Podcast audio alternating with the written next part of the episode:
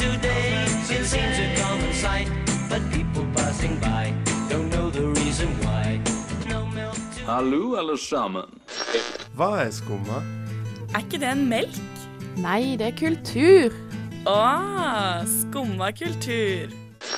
No milk today. Smaker godt.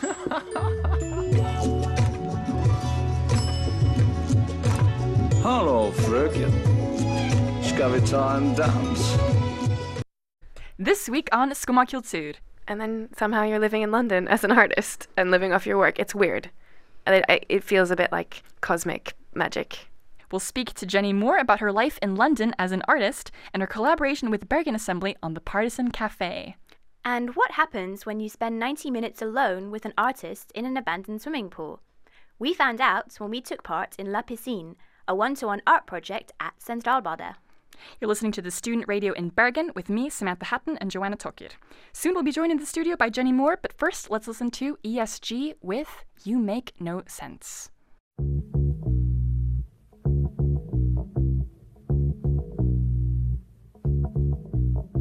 You make no, you make no sense. You make no, you make no sense. Dette er Hadia Tajik. Du hører på Skumma kultur på studentradioen i Bergen. Jenny Moore is a Canadian artist based in London, but she is in Bergen for Bergen Assembly and is the education coordinator for the Partisan Cafe.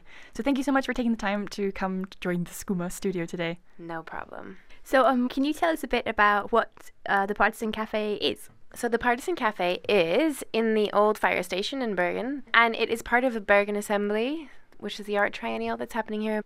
Um, it's part of Freethought's project. So there's three artistic directors of the Bergen Assembly this year, and Freethought is a curatorial collective from London, um, which I've worked with before in the past, and and the Partisan is part of their project on infrastructure. And it's kind of a cafe, kind of an education, performance, event space. We call it an educational, performative, and artistic practice. So we kind of think about, try and think about all of those th- things together. Like, what would it mean to have a an artistic and an educational practice that that sit side by side and that, in a way, don't um, prioritize one over the other or don't marginalize, doesn't marginalize education for the sake of art, which is kind of a classic neoliberal art world thing, which says education is just one sort of step below art practice. So there's lots of things going on at the Partisan. It's like m- a multi-layered, strange place. And there's another very relevant detail about this cafe for students, right?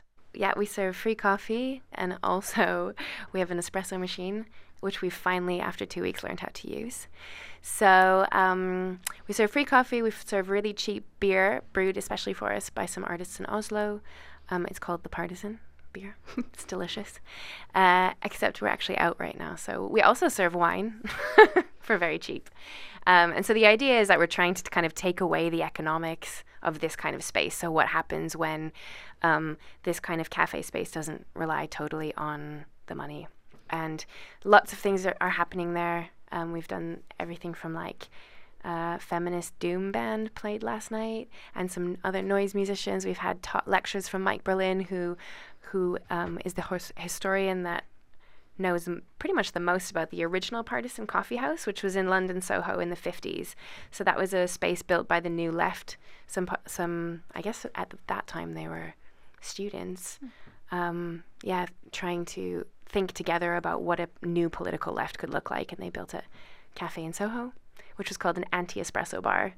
They were really into like people sitting around for hours and talking politics, talking about socialism, especially. So we've borrowed the name from that and um, are trying to not use it in like a nostalgic way, but but try and think about how do you actualize something that you feel related to. And what's your role as the education coordinator? um, it kind of mm, it kind of means cafe manager, but because we're we're sort of adamantly taking this position as educators, and again trying to, in a way, like I guess in a way, um, insist or persist that. Uh, that a radical education practice is possible so that study and learning happens in what Stefano Harney and Fred Moten call the undercommons, which is not just in the university or not, which is becoming like a total business, right? It's like being kind of privatized. Everything that we knew as public, es- especially education, is becoming privatized everywhere. Um, but still, still somehow people continue to study and we find ways and we find other ways to like not just study um, f- because we have money but because we, we can find other ways to come together and think together and so that's why we sort of insistently called the cafe manager position the education coordinator to try and almost as a bit of a political action to think about that as uh, yeah as a position that one could take but mostly I have worked on the project for a year, so kind of conceptualizing it with Nora Sternfeld, who's the curator, and found a team of amazing artists that are also working there. And I make the rota, and I buy milk, and yeah, we we've been just been talk like talking for ages about what it could be, how it could be, everything from where we're going to get the coffee maker to who we want to come and to do events and how we're going to advertise those things and like the politics of all of those things. So it's like a, again a super layered kind of yeah approach and I'm sort of I mean at the moment I'm the same as everyone else, but I just worked on it a bit longer. How did you end up choosing the old Fire Station as the place for this cafe? Um, I guess because the story of it is so amazing. So, like I said, there's this group of retired firemen who have um, been working there as sort of squatters, I guess, for the last 12 years. Uh, The city wanted to sell off the building, and they had a huge collection of historical materials and stuff that they'd collected. I mean, that had been passed down basically through the fire brigade for many, many years. And they, you can see this in a film actually, which is at the Kunsthall at the moment, um, which is a kind of interviews with the firemen talking about this story. But uh, they said when when it got handed over to the municipality because a new station was built, the firemen said to the fire chief, um, "What this is crazy! Like, what are we gonna do with all of this stuff?" And the fire chief at the time said, "Have you ever heard of squatting?" And then basically walked away with his hands in the air, like, "I don't want to, you know, I, I have nothing to do with it." And half an hour later, all of the stuff was back in the station, and they haven't left since. So this this story or learning of this space, which is beautiful and amazing, and like quite a special space. Seeing that space and then learning about this story, it felt like a really interesting alliance, not without its problems. So obviously, it's like a bit tricky of a relationship and how to feel like we really are in alliance with with them and and working together and thinking about how can these two quite separate things be together but again that's like that's the partisan atmosphere i think is like how do we come together despite our differences or how do we figure out methods of living alongside each other and finding solidarity in these kind of urgent struggle in these like struggles that we feel in our contemporary lives so yeah so that was appealing and then Nora has been working for a long time with the firemen to come to an agreement of how we could use the space together. And they've been super generous and are hosting us now for a month until they start their fire museum. Yeah, because the Partisan Cafe was only running while Bergen Assembly is on. That's right. Unless there's somebody out there who has a garage somewhere and would like to come and pick up the 16 tables and a counter and a bunch of stuff. I mean, I think the Partisan Cafe is like, it exists now in Bergen, but it's an idea. It's like something that can be used anywhere, you know, and it's like not our idea. It's it sits in like the whole history of cafe cult- culture and people coming together to talk about things and to try and figure out ways to like I don't know, engage themselves together and and um, learn things and debate things. So, in addition to being the education coordinator, you've also had concerts at uh, the Partisan Cafe with your band, Charismatic Megafauna. It's true. And it's one of your many projects as being as a freelance artist in London. And we'll hear more about those after we listen to AV Tears Slasher Flicks with Little Fang.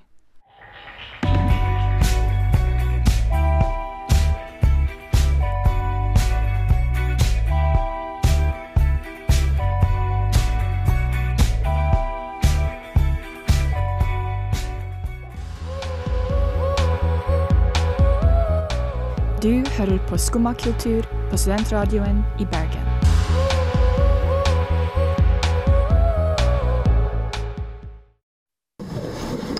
Gender you mentioned gender and obviously you, you played in in, uh, in, in, in, in, in, in with with um, in, with musicians uh, that were you know feminist band do you, do you like the word the, do you find ad, that adjective useful as it's applied What, gender or feminist? feminist to your to I your tend to not now? use either word you actually. know, feminist, you know, feminist, you know, feminist, band, you know, feminist, you know, in in uh, in, in, in, in, in, in with with, um, with musicians uh, that were you know feminist, you know, feminist, you know, feminist, you know, feminist, you know, feminist. You mentioned in in uh, in, in, in, in, in, in with with um, in in, uh, in in in in in in with with um.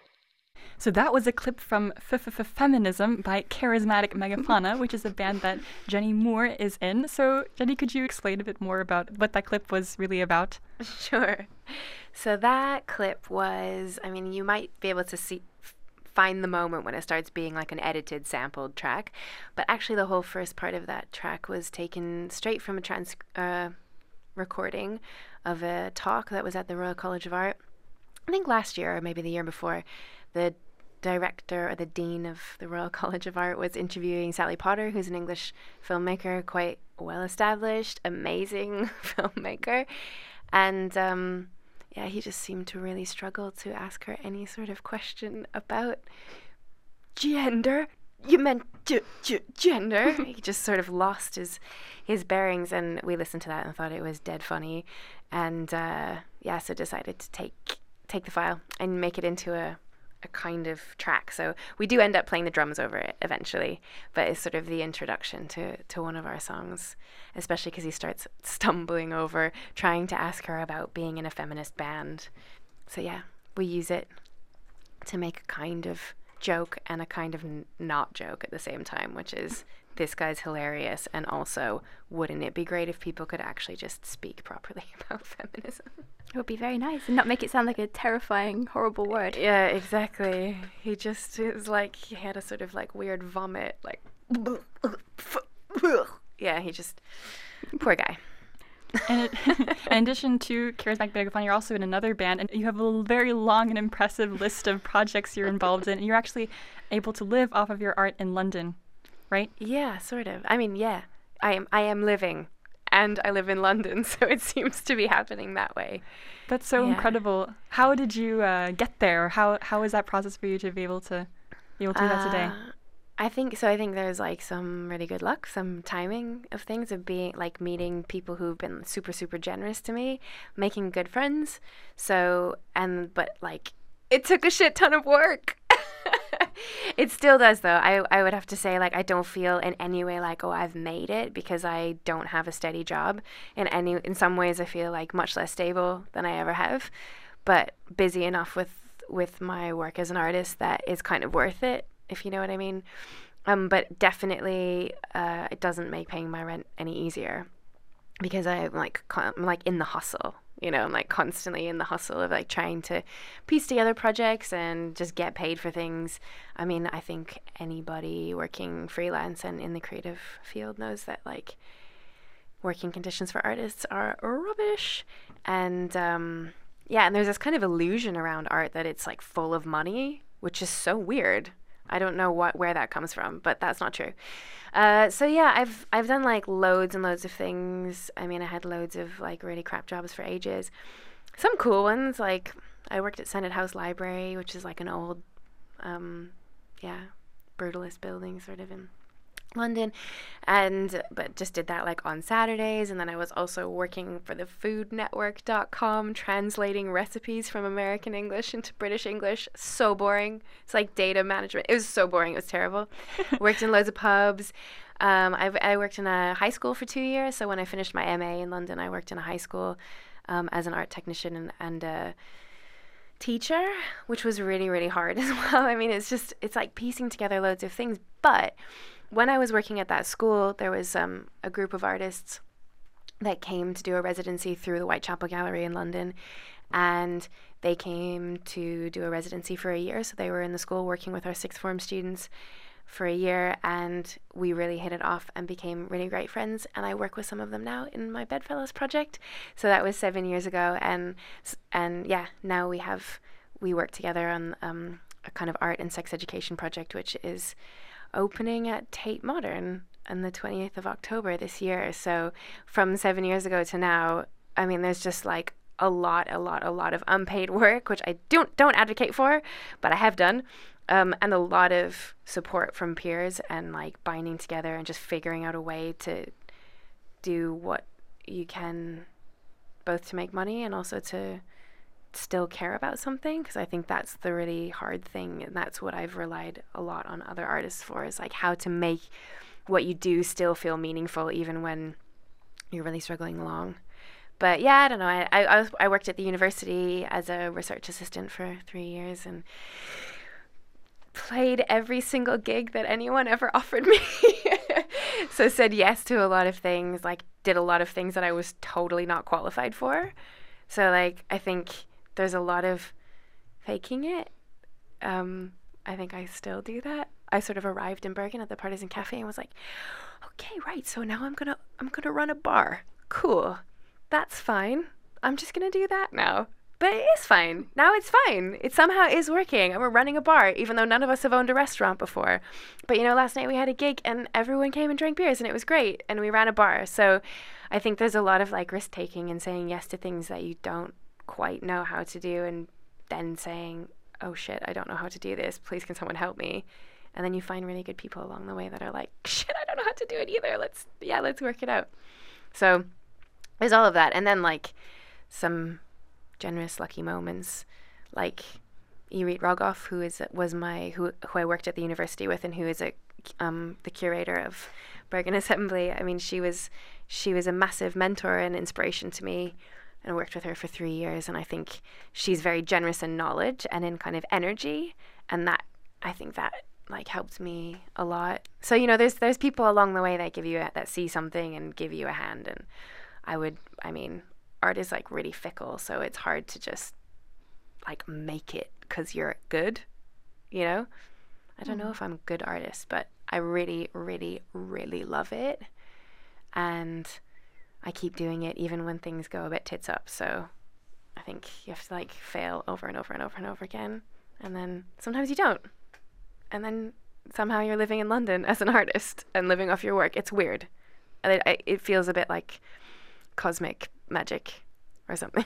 It's strange. Yeah. I can only imagine what that must feel like. We'll continue our interview with Jenny Moore, where you'll also get to hear about her upcoming exhibition at the Tate with the group Bedfellows. But first, let's listen to Level and Tyson with Tied Up.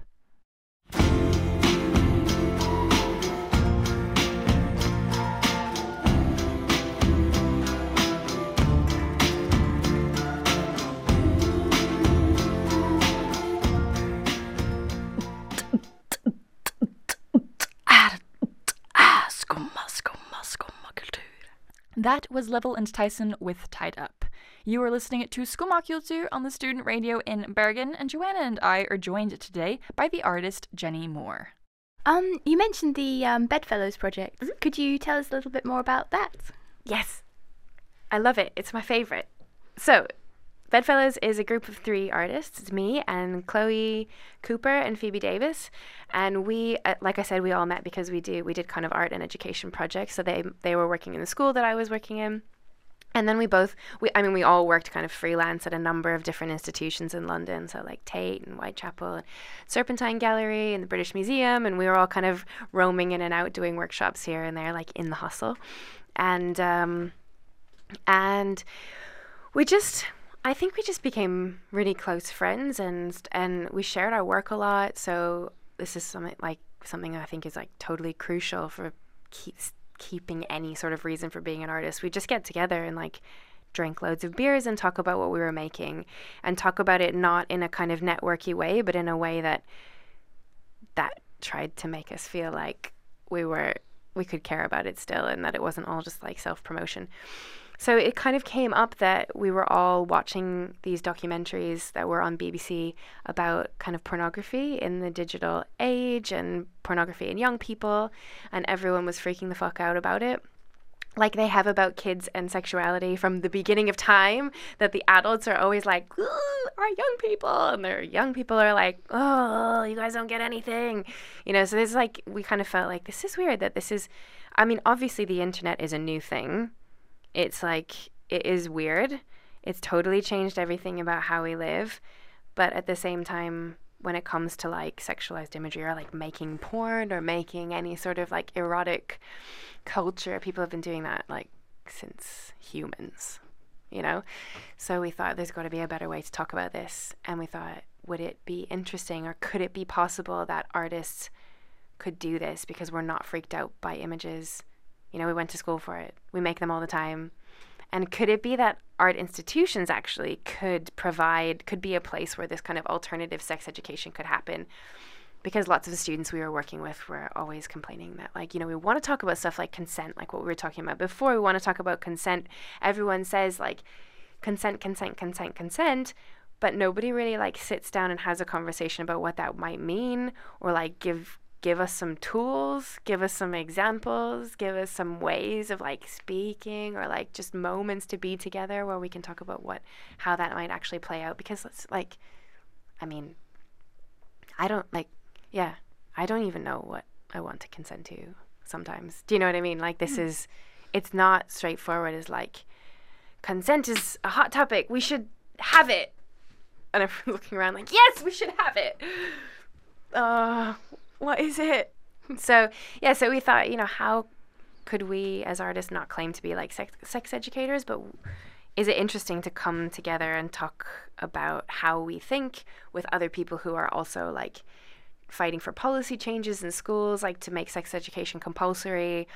Um, yeah, people who are making pornography or like kind of feminist pornography or trying or like artists who are making other kind of erotic types of imagery as almost a critique about sexuality or sex ed being a really heterosexist, quite violent practice because of the way that it centers like heterosexuality and biology at its core, which is not always the most useful way to talk about sex or gender.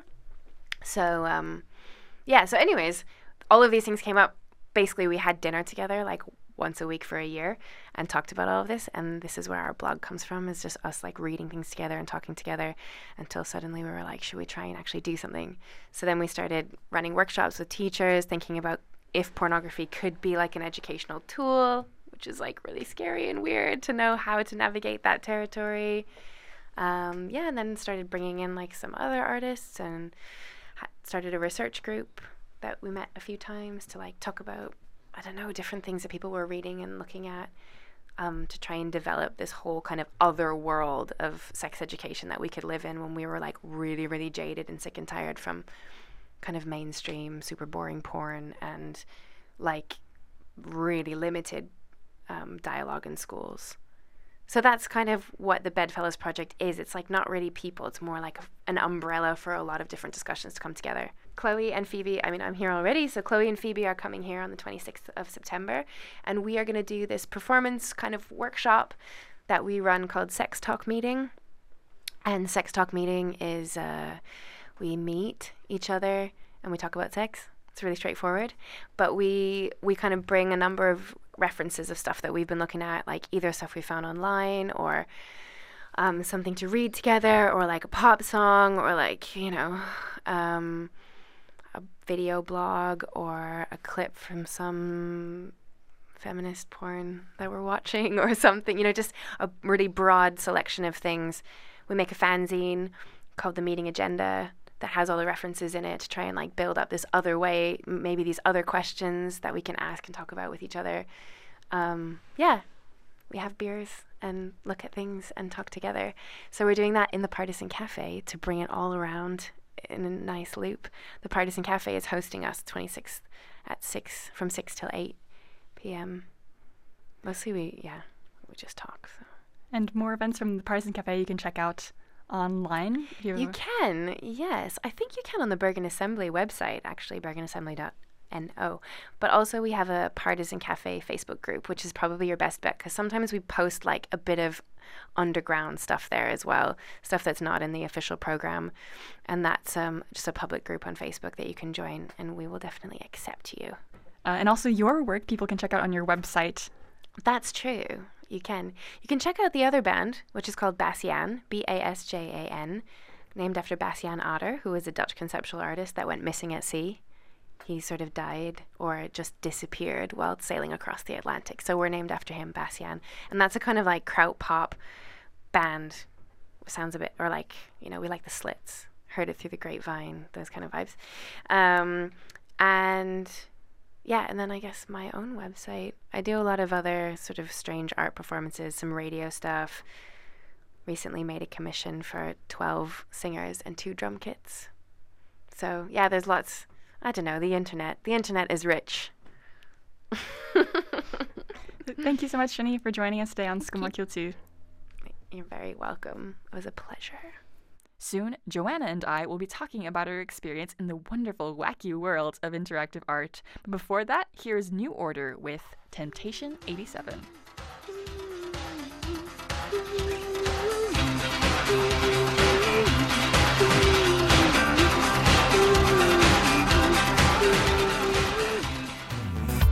Studentradioen i Bergen. srib.no.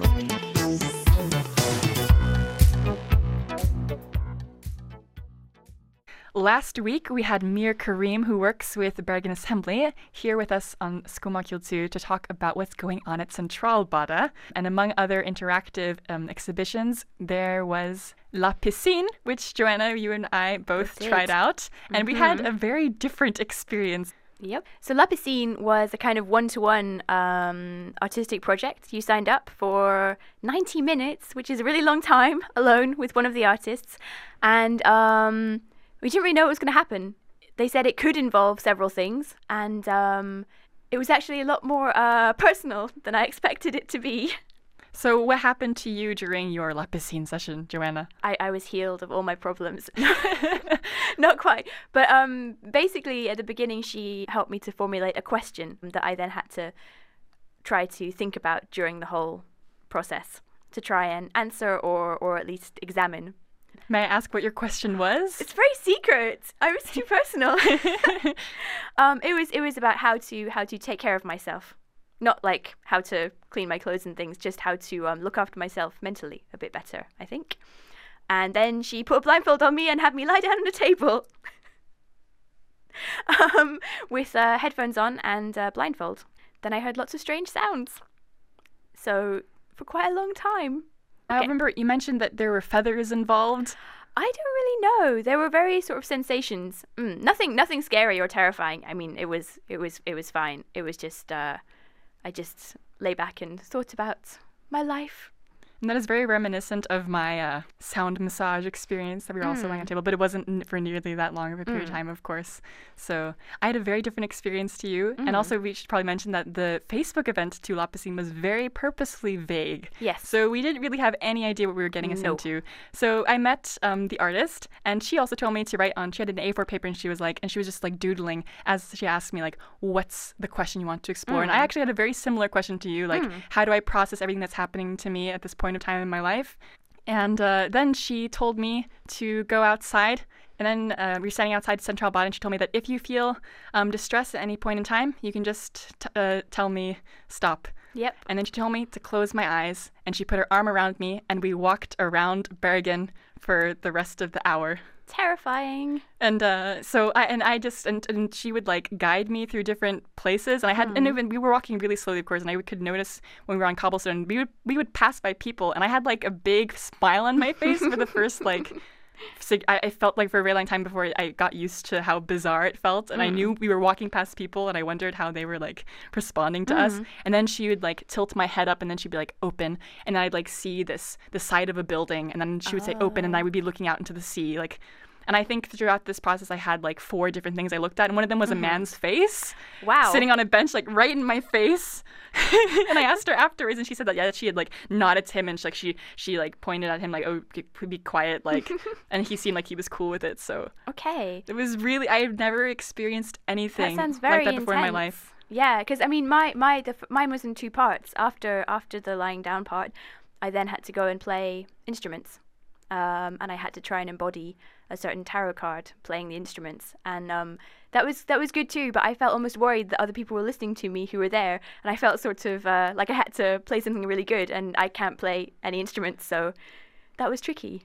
What kind of instruments were you playing? Um, gosh, I don't know how to explain it, but it was kind of like a a piece of paper, and you attached a kind of thing around your wrist, and then when you touched the paper, it made sounds. That's very interesting. Yeah, They yeah. have lots, lots of interesting stuff at Yeah. Centralbadet still. So, and Bergen Assembly runs until the 1st of October, so it's definitely recommended to take a trip. Soon we'll move on to the culture calendar, but first let's listen to Angel Olsen with Unfuck the World.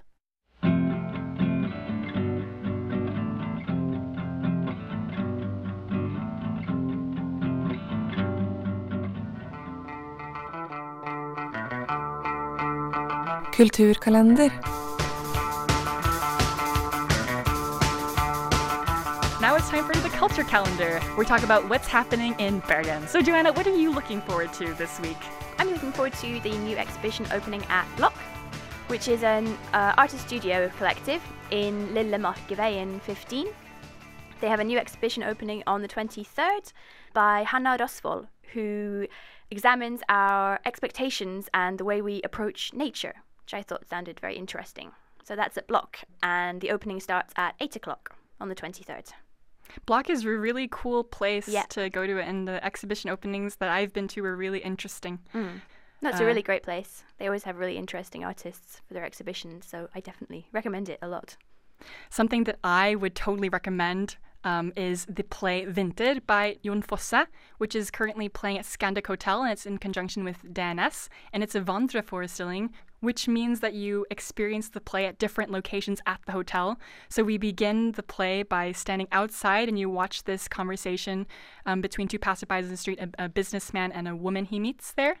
And then the next scene happens in a hotel room, and then you go to the bar, and you go back to the hotel room. I had never experienced anything like that before in my life, and it was uh, it was it was really cool. And it was also my first time seeing a Jon Fosse play. Um, and I was quite underwhelmed by the dialogue in the beginning, but by towards the end of the play, it had a really strong impression on me, and I really enjoyed it, and it was very moving. And there were quite a few people crying Oh, at wow. the end, or at least I saw two people crying. Hopefully, it was because of the play. I'm sure it was.